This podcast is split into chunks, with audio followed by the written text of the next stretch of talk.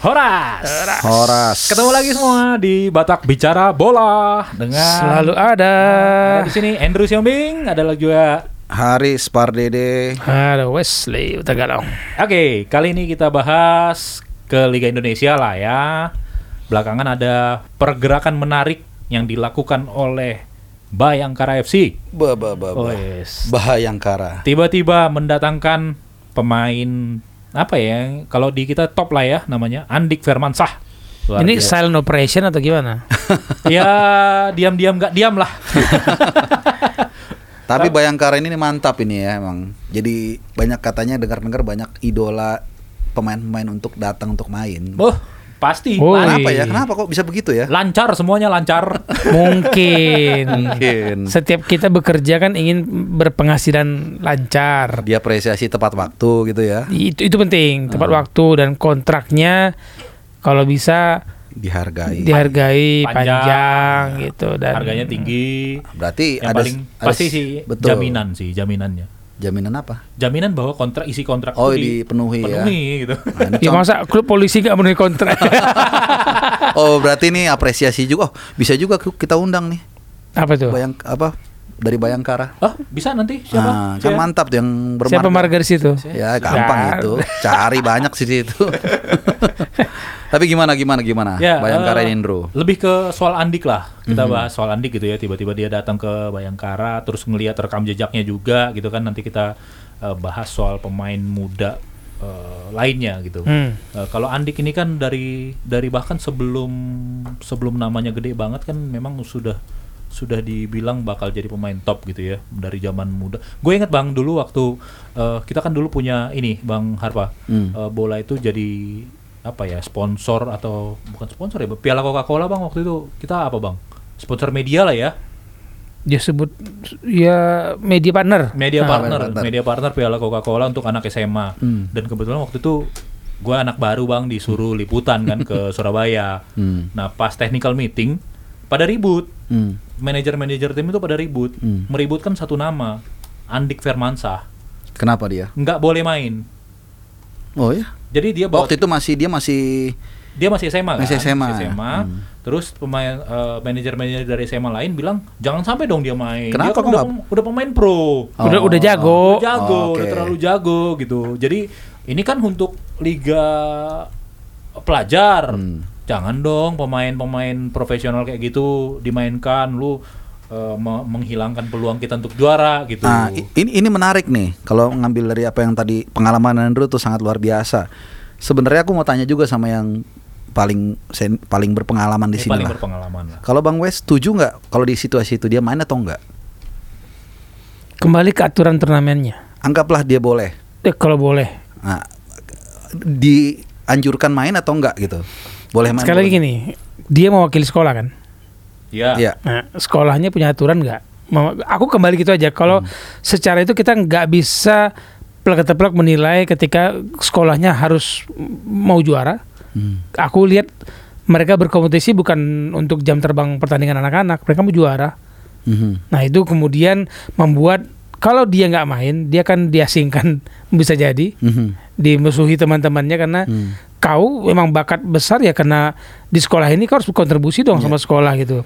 Kalau dihitung seandainya ada aturan pro dan tidak pro, adur kembali ke, ke, ke regulasi. Kalau aturannya membolehkan, silakan. Iya, aku juga setuju. Hmm. Satu, at- kalau regulasinya memang memungkinkan ya, ya mainkan aja sebenarnya nggak ada masalah. Kedua, sebenarnya kan kita seperti membahas telur sama ayam, ya kan dia main. eh, Emang pasti juara timnya kan nggak ya juga? satu belum tentu juara juga. Ah, kedua, sebenarnya kalau dia nggak main kan sayang sebenarnya. Hmm. Bagaimanapun juga ini pendekatan olahraga kan ada bottom up, ada up bottom. Sebenarnya dengan hadirnya dia kan bisa memberikan motivasi. betul Iya. harusnya begitu Teman-teman juga. lainnya memberikan inspirasi dan kedua kan itu kan kejuaraan umur berapa Bro? Masih SMA 17 tahun lah 17 tahun. Sebenarnya kan di situ ya masih Pembinaan belum ya, pembinaan masih urusannya hitungannya. pembinaan. Bukan- bukan- bukan juara juara sebenarnya ya. Nah, itu lagi-lagi orientasi kita sebenarnya itu cerminan juga eh, fans sepak bola Indonesia yang maunya instan. betul Hanya mikirkan juara, juara. Tapi lihat harusnya perkembangan anak-anak itu kalau bisa, gue pernah main sama Andik loh. Gue bisa melihat bagaimana dia sukses. Mungkin bisa sharing atau bisa terinspirasi lah intinya. Jadi kenapa enggak gitu sebenarnya. Jadi eh, dah sangat disayangkan kalau kalau cerita dari Lundro ya. Jadi dia eh, dilarang bermain karena yang lain takut gak bisa juara gitu. Nah, kalau gue juga sepakat bang dengan itu, apalagi ya gue sepakatnya justru karena pengalaman pribadi. Iya. Dalam artian bukan bukan pengalaman pribadi ngeliput itu, tapi gue juga pernah di posisi yang sama, asik. Sombong Bukan- bukan. Andiknya kan? Eh, gue di posisi yang sama kayak Andik bang. Ah masa sih? Seriusan dulu Iya. waktu waktu di Medan. Oh, ya Jadi- ntar ikut-ikut main bola lah Bukan kita main lah. bola kalau gue. Oh, Balet. Balet Jepang. Enggak, jadi dulu kan gue udah sempet pelatnas gitu Ah. kan ya. Eh, Apa? pelatnas karate dulu, Cie. oh, ya. oh agak agak Susah kali bilang Sok, aku merendah supaya diangkat gitu. Supaya ditanya. Aku anak buahnya Evin Bangun bilang gitu. Halo.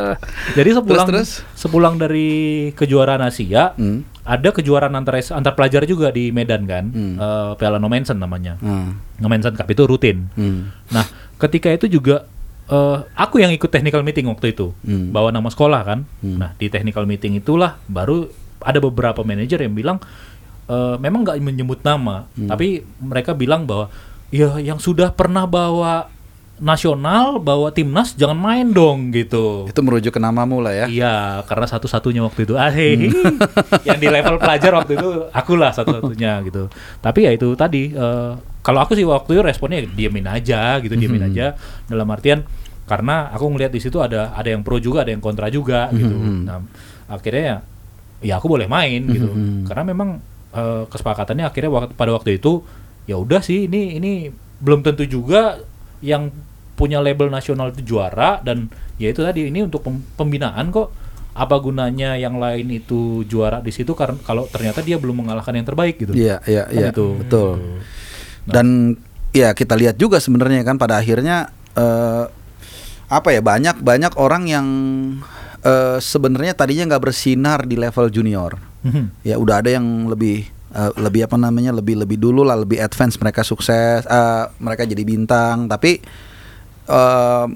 pada akhirnya orang-orang yang selama ini tidak tidak terekspos ternyata dia bisa punya motivasi untuk Betul, mengejar dia Betul, betul. gitu Nah, terus kejadian kayak gitu kan juga banyak kan, bukan hanya di apa secara secara khusus lah kita lihat di sepak bola gitu kan. Mhm. Pertanyaan klasik sekarang itu kan yang yang apa ya, yang kayaknya terus lah ditanyakan oleh orang adalah sepak bola Indonesia ini berprestasi di level junior, kenapa di senior tapi enggak? ketika senior melempem semuanya. Mhm.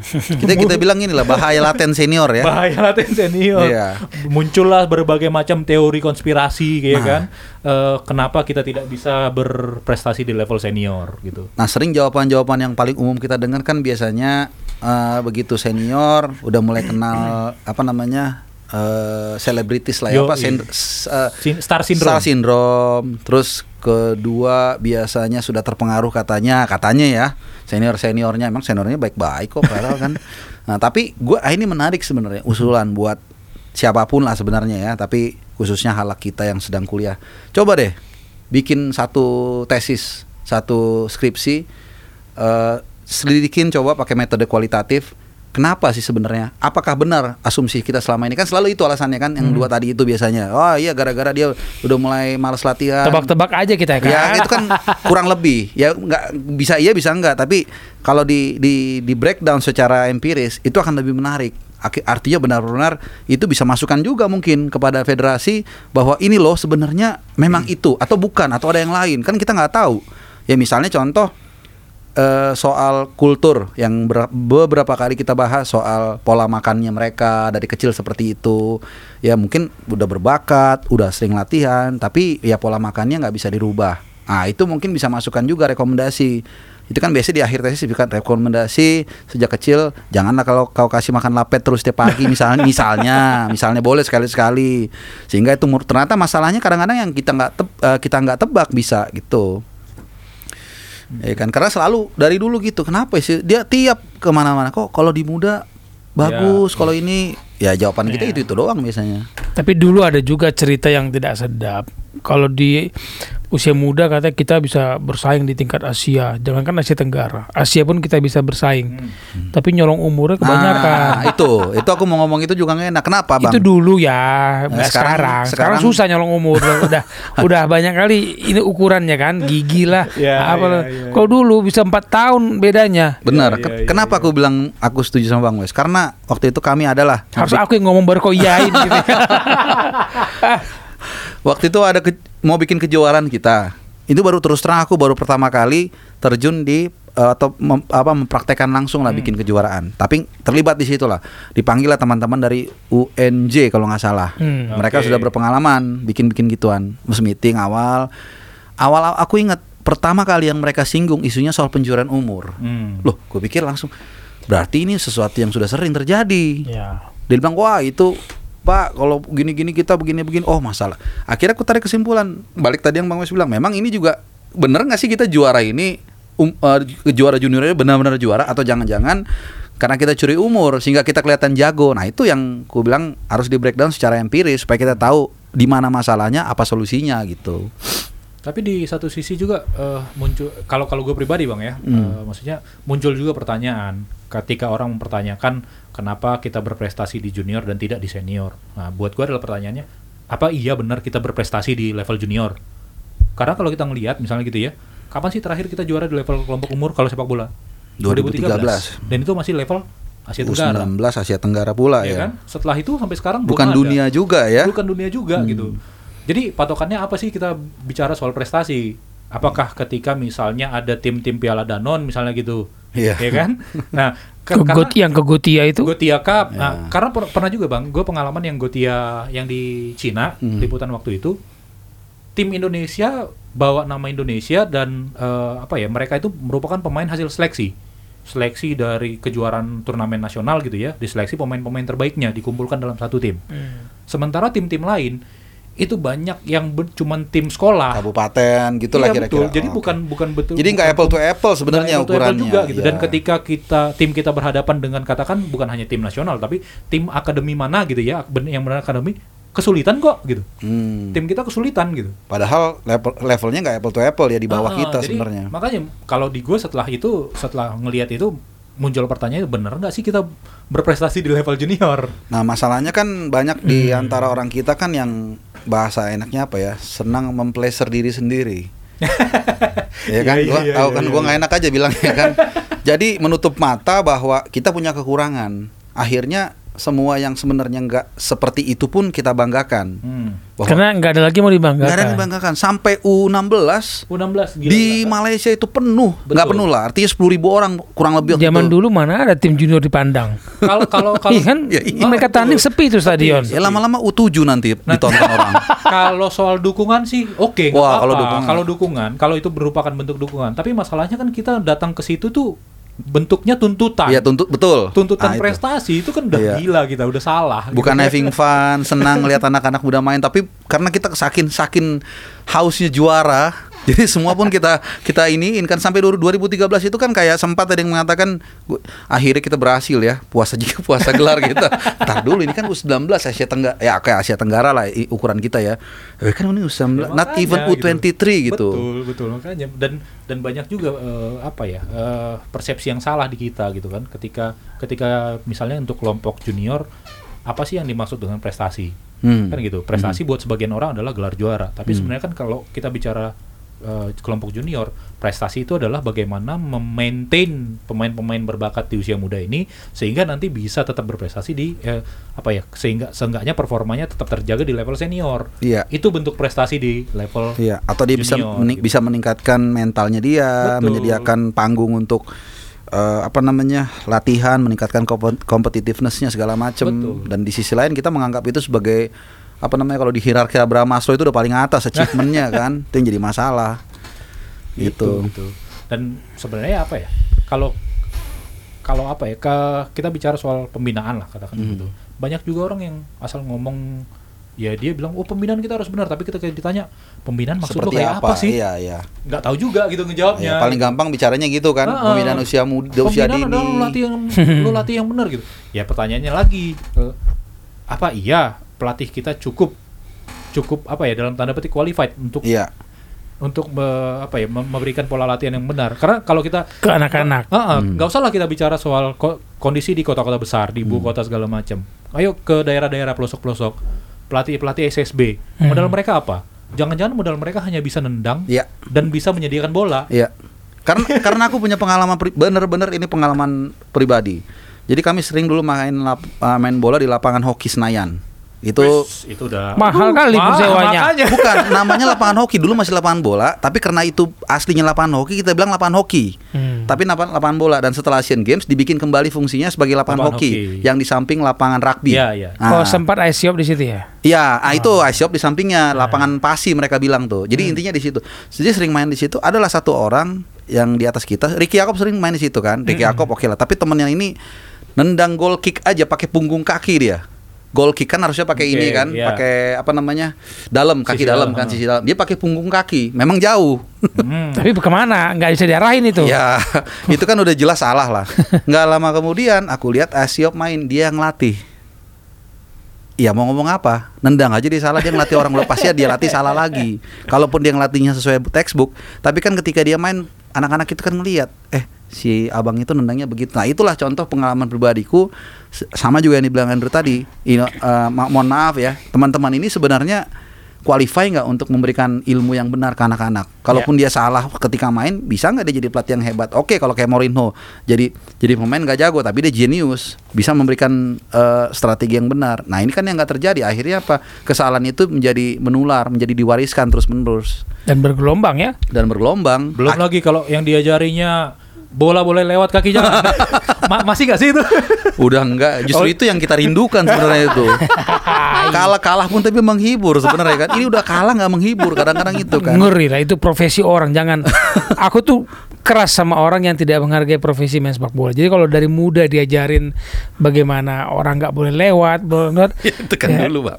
Terus maksudnya profesi ini kita mau menghargai profesi sepak bola, Iya. kemudian tiba-tiba kita mengalami begitu, ya benar kita akan bilang mudanya kita bersinar, tuanya terpuruk. Iya, iya. Mm, dewasanya udah terpuruk karena salah pendidikan dari awal persaingan kita bilang kit- kita menang nih junior dengan level lain karena negara lain bilang junior kita for fun Yes. Iya, junior kita betul. untuk menimba pengalaman kita nggak mau juara di junior maunya juara di senior Makanya sementara di- kita ngos-ngosan Heeh. habis-habisan juara di junior karena senior nggak bisa juara Iya. Makanya di luar itu kan kadang ada tim junior tuh yang dicampur cowok sama cewek, dibiarin main gitu kan. Oke. Eh, di sini enggak. Amerika kan Ah, campur. itu seperti itu. Di sini enggak, di sini pokoknya ya lu juara gitu. Iya. Dan yang harus di aku banyak kemarin diskusi ke teman-teman, kenapa kalian tidak mau melatih tim junior?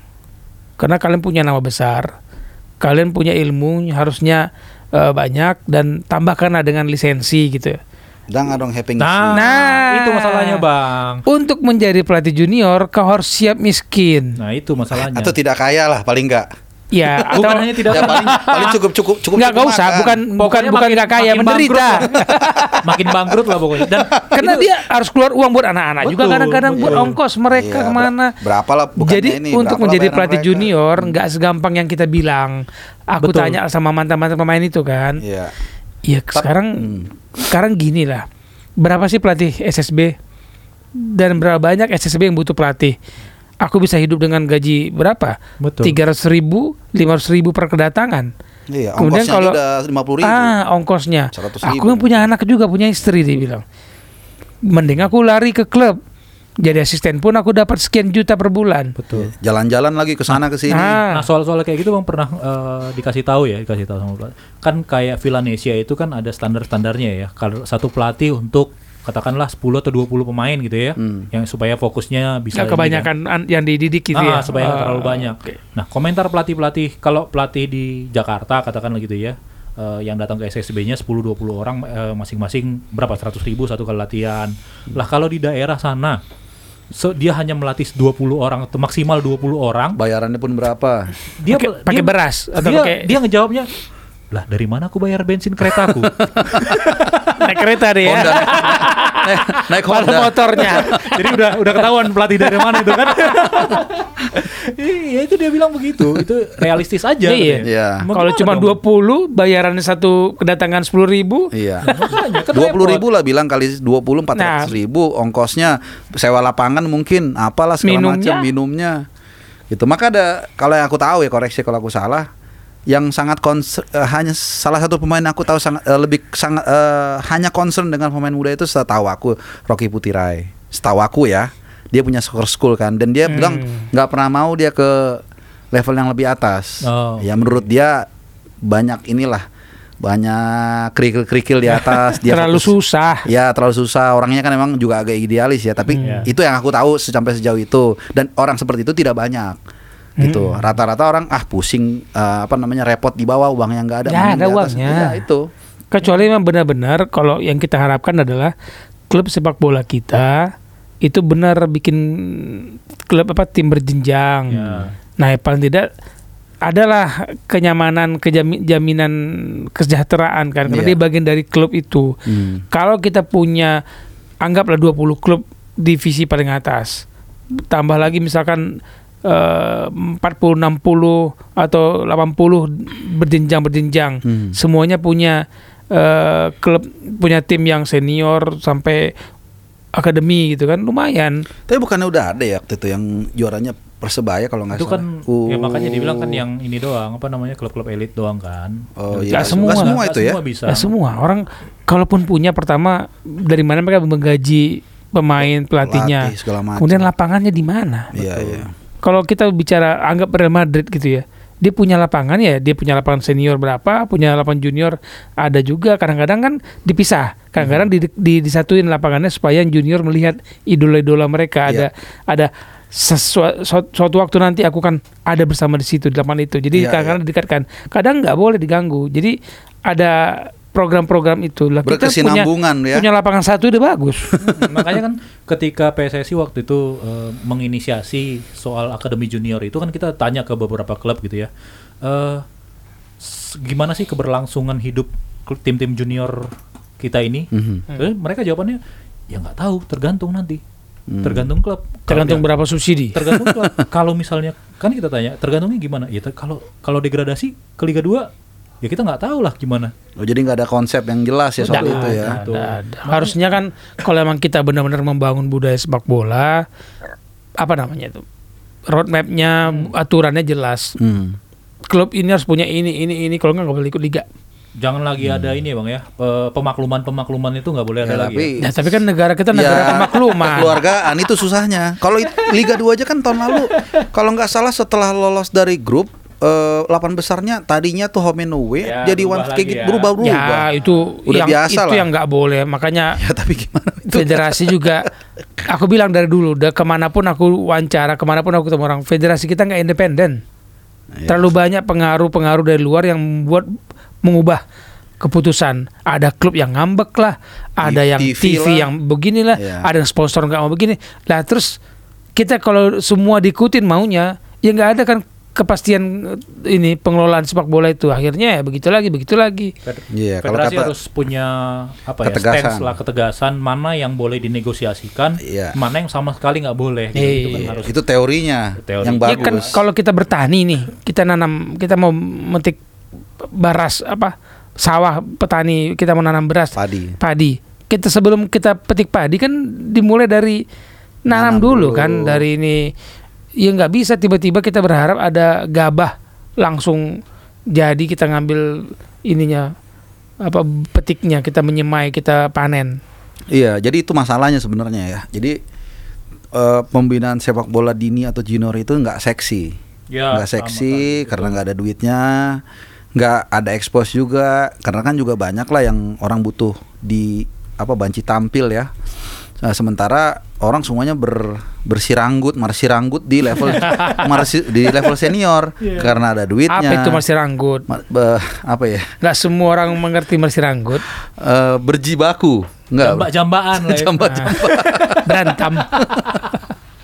apa gue cari aku cari ininya padanan Indonesianya lupa malah Eh, Sikut-sikut Bertikai, berjibaku. berjibaku di di level senior karena seksi ya banyak duitnya eh, media nyorot mereka dan sebagainya sementara yang junior orang males ngomongnya aja kan oh pembinaan junior tapi nggak ada yang mau ngelakuin Betul, betul. Nggak pada- mudah, padahal orang lupa kayak Jerman itu dari 2002 kalau nggak salah mereka mulai merefurbish Oh ya 20 tahun loh, salah 10 Nah, 10, 10 habis tahun. habis 12 tahun. dipermalukan di Piala Eropa Iya, 2004 iya, itu loh. iya. 2002 2004 lah kurang lebih ya Piala segitulah. dunia hancur Iya, juga kan hancur sama juga. Erik Ribech itu Iya pelatih yang dibully sama mereka tuh 2004 Mateus masih main di Piala Eropa Iya di rongsokan lah itu dimarah-marahin sama orang orang tua begini masih jadi pemain eh, untuk bersaing di Piala Eropa.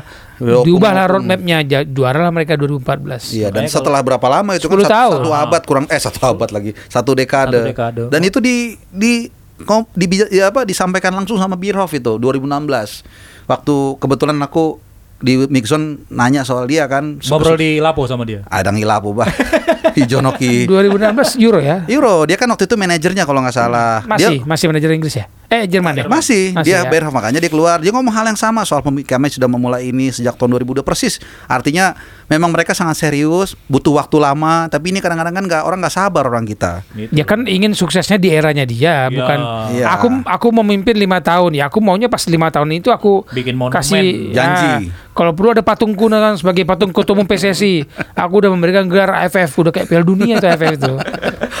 Padahal kalau bicara angan-angan babunya gitu bang ya, Ah. sebenarnya kondisi kita sebenarnya bisa disamakan lah kalau kita menghibur diri tadi Ah. bisa disamakan dengan Jerman, luas wilayahnya juga. Oh, kalau itu Jerman nggak usah kan luas, ditanya. Hmm. toh, gitu kan. Kemudian bekal utama Jerman kan salah satunya keberagaman mereka kan. Iya Mereka kan nggak bisa kalau kalau baca bahan-bahan itu kan mereka dibilang nggak akan bisa juara kalau tanpa pemain-pemain keturunan Turki yang Iya, iya. menciptakan seni di dalam sepak bolanya Iya, setuju. atau pemain-pemain keturunan lain. Polandia. Setuju. Afrika Iya. kan gitu kan. Nah, di kita kan juga banyak kan ke- keberagaman itu jadi modal gitu misalnya. Iya benar benar. Ikan juga sama juga, Bro. Di 2018 kan Prancis juga begitu. Iya, du- Sama Prancis. juga. Betul. Dengan kalau orang mungkin banyak yang mungkin ya, mungkin kita tahu, tapi banyak yang nggak kayak Griezmann itu kan keturunan Portugis, eh Portugal. Mm. Bahkan Hugo Lloris namanya juga Hugo Lloris, Hugo Lloris. keturunan Spanyol dia. Banyak lah kalau nggak salah itu yang asli cuman mirip 98 juga sebenarnya dikit yang ngeliat putih dan itu yang dikatakan sama mereka waktu itu eh, apa namanya ada orang Prancis lah bilang ya inilah yang mem- membuat kita membuat kita damai katanya Prancis tiga bulan empat bulan setelah Iya, juara dan balik lagi ke kita sebenarnya kalau kita lihat kan tiap tiap daerah di Indonesia punya kelebihan masing-masing kan ya Hmm, kalau mungkin kalau Pak kalau kita bicara pemain Papua kita tahu lah mereka punya eh, natural skill yang luar biasa mungkin kalau Fisik. ya mungkin kalau dari Jawa Timur banyak back sayap back sayap hebat kalau Iya. kita kalau kita runut dari belakangnya kalau soal jagal menjagal dari Sumatera Utara lah itu kan itu sebenarnya bener loh kalau Ada ada ini ya, ada karakternya ya. ada karakternya sebenarnya Bahasanya kayak dia permainan taktis. permainan Jangan dibilang jagal menjagal bukan permainan taksim dulu. Permainan tanpa kompromi, Tanpa kompromi. itu ya kan? Sebenarnya kalau mau di ini ya diga betul gue setuju itu. Tapi memang perbedaan itu kadang-kadang menjadi dua sisi. Bisa mem- bisa memecahkan bisa menguatkan. Betul. nah itu yang susah. Itu ya kan Nah, kalau bicara sepak bola Indonesia berapi-api, tapi juga kemudian lemas sendiri. Itulah. ujungnya tapi Ah. mau apa pun hasilnya tetap menarik diikutin dan diomongin Ah. Tapi beberapa kali gue ketemu sama orang gue bilang bang "Eh, apa ya gimana pun kan kita nggak bisa melepaskan bahwa salah satu yang harusnya berperan penting dalam pembinaan kan federasi iya ya kan? pasti Nah, dalam hal ini gue berapa kali bilang apa yang kalau orang tanya apa sih yang bisa dilakukan federasi gue bilang "Eh, ketika sekarang kita bicara soal kualitas pelatih deh minimal Hmm. gitu apa sih ukurannya kalau sekarang kan orang rata-rata bilang eh, lisensi kepelatihan Hmm. ya lisensi kepelatihan karena di situ akan eh, pelatih itu akan diajarkan bagaimana cara menjadi pelatih yang benar dalam tanda petik benar tapi kan kita bertanya lagi berapa biaya yang harus dikeluarkan untuk dapat lisensi Wah, Iya kan kan gitu lisensi apa dulu nih? lisensi A apalagi kan gitu kan Apro. Apro, Ah, bisa tiga digit kali, apa pun enggak? itulah gitu. Enggak, satu mobil. mobil bentor Nah, maksud gue, ma- maksud gue, kenapa kita fokus atau kenapa federasi fokusnya pada lisensinya? Kenapa tidak fokusnya pada ya kualitasnya aja? Dalam artian gini, eh banyak sekali kan sekarang turnamen-turnamen usia dini yang digelar oh, kata, oleh pihak swasta, katakanlah oleh pihak swasta. Kenapa eh, di dalam turnamen-turnamen itu tidak turun misalnya orang-orang kayak siapa Om Danur gitu ya dan diwajibkan setiap turnamen PSSI harus mewajibkan penyelenggara turnamen sebelum turnamen itu pelatih-pelatih SSB-nya dikumpulin. Dikumpulin dan dikasih penataran. Iya. nggak usah kasih lisensi Hmm. tapi kasih penataran aja gimana cara jangan-jangan misalnya gitu ya jangan-jangan pelatih usia dini kita nggak ngerti apa fungsinya tidur siang Hmm. hal mendasar kayak gitu gitu kan Ya. perbaikannya dari situ nggak usah fokus pada ngasih mereka lisensi ngasih ke mereka karena ter, ya nggak semua orang bisa bayar bisa Ya. cukup punya uang untuk bayar itu Nah, aku ada info nih untuk biaya lisensi. nah Nah, lisensi D itu untuk 5-6 hari pela- pendidikannya itu 3 sampai 4 juta. Paling paling bawah itu kan ya? D, D. D itu baru Nasional. SSB lah itu. Iya. Lisensi C itu dua minggu latihannya itu tujuh setengah sampai 8 juta. C. C. C. Itu belum bisa pegang klub. Lisensi B 15 juta untuk tiga minggu latihan, tiga minggu Tiga pendidikan, minggu kursus. kursus. Lisensi A, Apa ini? Apa ini, Bang? A, Nasional. A inilah AFC, AFC ya. 25 juta satu bulan terus ikut dia. 25 juta itu kan nggak sedikit lah kalau untuk dia mau Makanya. kalau dia habis itu dia nggak punya klub. Iya. Lisensi A Pro AFC 180 juta. 180 juta. 8 bulan pendidikan. 180 juta. Hmm, satu mobil kan? Gila. Karena kan harus Bisa seperempatnya Nah, kalau terus kemudian kalau- kalian berapa banyak pelatih asing yang menguasai Nah, tim Indonesia ini. Jadi kalau ngomong itu panjang lagi Iya, kita gitu. memang muter-muter Memang lah ya. muter lah kita ini. Nah, makanya gue bilang kenapa kita fokusnya, kenapa federasi fokusnya, oke lah nggak apa-apa untuk untuk apa penyeragaman atau standarisasi nggak apa-apa, tapi jangan dilupakan juga untuk ngasih pembekalan yang Iya. ini. Gue nangkep jadi gue nangkep poin lu Ndro. Jadi artinya jangan kita terlalu terpaku dengan secara kertas itu kan gitu Hmm, kira-kira. Toh juga kalau mereka punya hal lain yang bisa disampaikan langsung ke pelatih-pelatih itu why not gitu kan. Iya. PSSI sebagai federasi Iya. harus juga menjangkau orang-orang yang nggak mampu bayar. Cuman PSSI Iya, juga kursus. bilang, "Di mana uang kami?" Ah, ya itu I- udah memang tugas katanya jadi federasi. Iho maisi katanya. Ngapain aku capek-capek itu kan? Lagi balik lagi tadi nggak seksi. Iya, iya, iya. iya, mereka harus bayar instrukturnya, Iya, capek lagi. makannya. Ah. Karena lima enam hari terus ada penginapan di situ kan. Hmm. Nggak bisa. Ya, satu Nggak, harus penginapan di situ kalau lisensi D. Iya. Iya. Harus lima hari enam hari stay di situ dari pagi sampai pagi kelas, sore lapangan, pagi kelas, sore lapangan akan begitu. Maksud Ya, Andrew kalau mungkin perus- agak perusahaan-perusahaan simpel kan- kali ya. Perusahaan-perusahaan punya CSR. ya itu PSSI dia. juga harus bisa Cuman lah.